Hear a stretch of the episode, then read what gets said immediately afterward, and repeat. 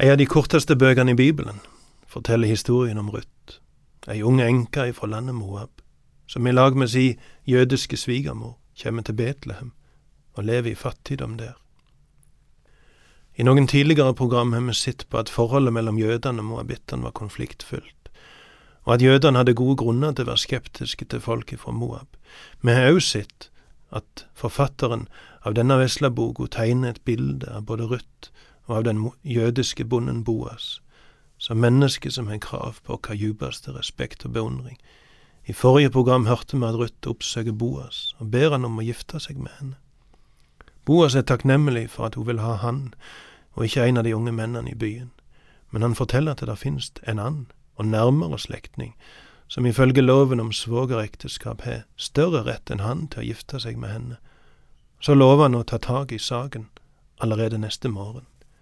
Kapittel fire i Ruths bok forteller om hva som hendte. Boas gikk opp til byporten og satte seg der. Nett da kom løysingsmannen som Boas hadde snakka om, forbi. Boas kalte han ved navn og sa, Kom og sett deg her. Så gikk han dit og satte seg. Boas så seg ut ti menn av de eldste i byen og sa, Sett dykk her. Og de satte seg. Så sa han til løysingsmannen, Noomi, hun som er kommet tilbake fra Moab, vil selge det jordstykket som Elimelek, slektningen vår, eide.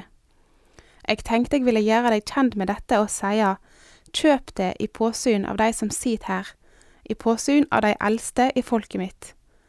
Vil du løyse det inn, så løys det inn. Men vil du ikke, så si det til meg, så jeg veit det. For det er ingen ved sida av deg til å løyse det inn, men jeg har retten nest etter deg.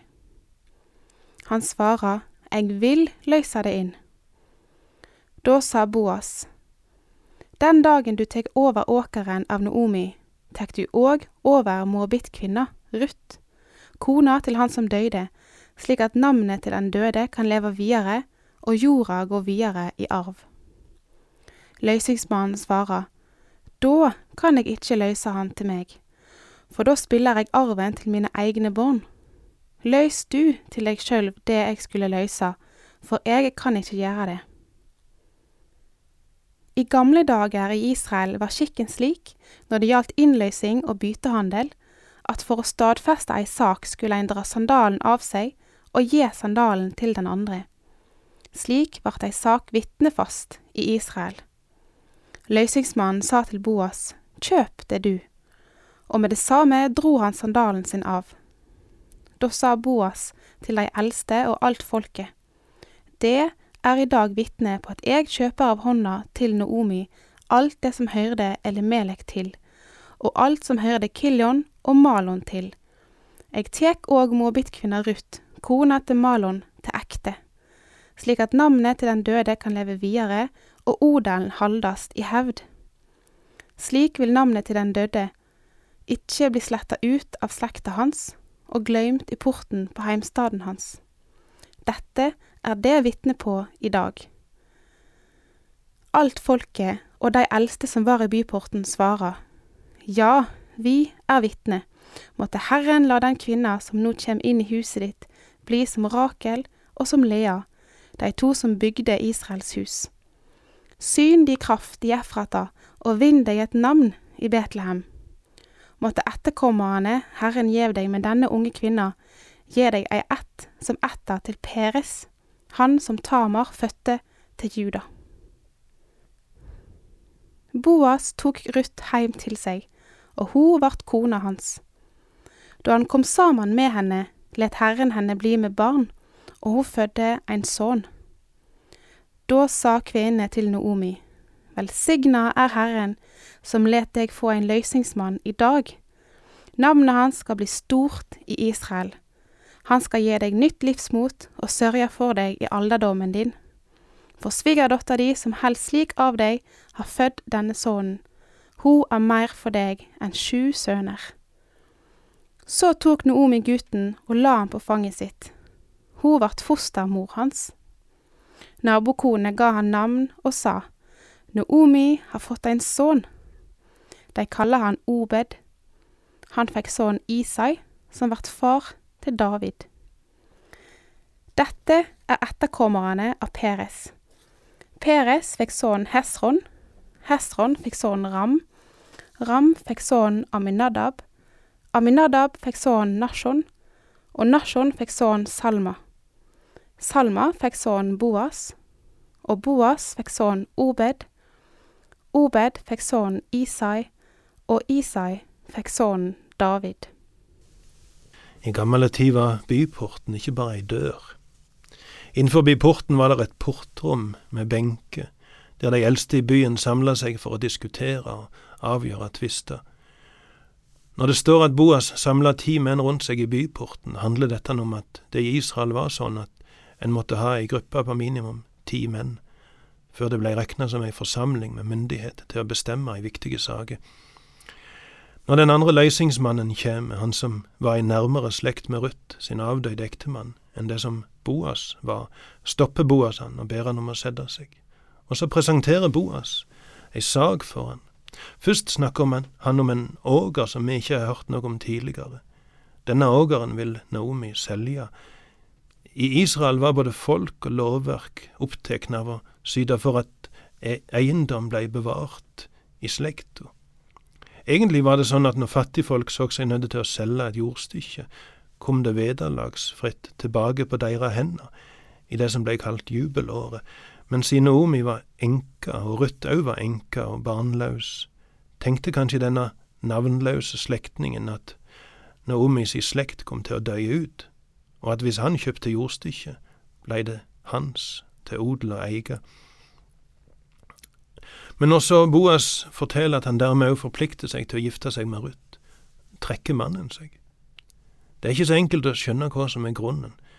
Kanskje handler det om at hele det, no, det nye jordstykket som han kjøper, vil gå i arv til den eldste gutten han får med Ruth, mens alle de andre ungene som han, han og Ruth vil få, kommer til å dele det resterende seg imellom. For ifølge loven om svogerekteskap vil den første sønnen de får, bli regna som sønn av Marlon, Ruth sin første mann, og arve alt det som tidligere har tilhørt hans familie. Hvis denne navnløse slektningen hadde gifta seg med Ruth, ville jo alle ungene deres på et vis vært hans unger, men han var ikke villig til å yte noe for å videreføre Marlon sitt navn og hans arv, siden dette ville skje på bekostning av de ungene som kom til å videreføre hans egen navn. Han viser dermed en hjerteløs, sjølopptatt holdning. I sin iver etter å bli navngjeden som stamfar for ei ettergrein som ville kalles med hans navn, var han ikke villig til å ofre noe som helst ut av omsorg for en slektning som var blitt rammet av ulykker. Da er det en talende ironi at denne mannen som var så opptatt av å bli navngjeden, er navnløs i Bibelen. Vi får aldri vite hva han heter. Så gifter de to seg, Ruth og Boas, og de går inn i ekteskapet akkompagnert av velsignelser fra folk i byen. I alle ting har de tett seg som mennesker som inngir respekt og beundring. Og så hører vi at Gud gjør det sånn at Ruth blir gravid. Vi må huske at hun tidligere har vært gift i ti år uten å få unger. Så både hun sjøl, Boas og folk ellers hadde grunn til å lure på om hun kunne få unger. Hun får en sønn som de kaller Obed, som blir bestefar til David. Boka ender altså med å nevne David, og dette kan være et klart hint om at han er en viktig grunn til at denne boka ble skreven. En påfallende ting er at David er omtalt i slutten av boka uten kongetittel. Det er ikke snakk om kong David, det er snakk om David. Kanskje betyr dette at boka er skrevet før han blei konge, på den tid da han var en kjende mann, men fremdeles bare en offiser i Saul sin hær, eller en jagd mann i ødemarka, offer for kong Saul sitt paranoide hat. I så fall kan faktisk boka ha blitt til som en attest for David, ved å vise at han springer fra en gudfryktige familie, en familie av beundringsverdige mennesker. Når en sammenligner Ruths bok med den siste delen av dommerboka, ser vi en grell kontrast mellom de gudfryktige og omsorgsfulle menneskene i Betlehem og vondskapen blant folket av Benjamins stamme som kong Saul kom ifra. Det finnes en sterk kobling mellom Ruths bok og kong David. Det handler ikke bare om avstamning, men òg om arv. Jeg har ei gammel sølvklokke heime. Jeg fikk en av far min en gang han skulle kjøre meg til togstasjonen, og jeg hadde glemt eller om jeg hadde ødelagt mi egen klokke. Sølvklokka tok jeg vare på som et arvestykke og et minne, men det er langt ifra det mest verdifulle arvestykket jeg har fra far min. Det mest verdifulle arvestykket er hans eksempel. Og det løgne er at han er ikke bare et eksempel og forbilde for meg i det som han gjorde etter at jeg ble født. For det jeg hører at han gjorde i barndomstida og ungdomstida, er òg til inspirasjon for meg. Og på samme måte er alt det som jeg og du gjør, en arv som vi leverer videre til kommende generasjoner, til mennesker som ennå ikke er fødte. Ruth og Boas var til inspirasjon for David, for han må ha kjent historien godt, lenge før historien blei skrevet ned. David kan òg framstå som ei gåte. Men når vi husker hvem han nedstammer ifra, så er det en del ting som dette på plass. I første Samuels bok i Bibelen får vi høre at David, som ganske ung, blei salva til konge, mens Saul ennå regjerte. Men David tok ikke kongemakta. I plassen gikk han tilbake på marka og fortsatte å passe sauen til far sin, ei lite respektert oppgave. Antakelig i mange år venta han på kongemakta, tålmodig, uten å bruke verken makt eller list, svik eller manipulasjon for å skaffe seg den posisjonen som han visste det var Guds vilje at han skulle få. Etter hvert ble han tilkalla til slottet for å spille harpe for den deprimerte kongen, men når det ikke var bruk for han lenger, vendte han tilbake til beitemarken. Seinere ble han hærfører, og han tjente kong Saul trufast. Sjøl da kongen blei sjalu på Davids popularitet og prøvde å drepe han, gjorde ikke David noe imot kongen. Og til slutt så han seg nøyd til å flykte ifra kong Saul, og han levde i ødemarka i flere år. Da kong Saul kom etter for å drepe han, hendte det to ganger at David hadde kongen i si hule hånd, men han rørte han ikke. Og så, da kong Saul døde i kamp imot filisterne, kom to av stammene og ba David om å være konge, men ti stammer sto imot og ville heller ha en av Saul sine sønner som konge. David let det skje. Og først sju år seinere ble han konge over hele landet, og det er først etter at de ti stammene hadde kommet til han gjennom sine offisielle, rettmessige representanter og bedt han om å være kongen deres.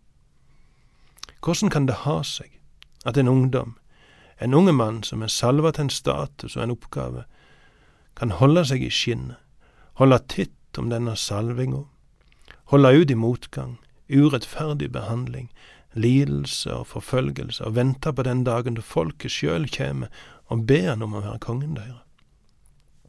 Forklaringa, eller en viktig del av forklaringa, er at David kjente historien om Boas og Ruth.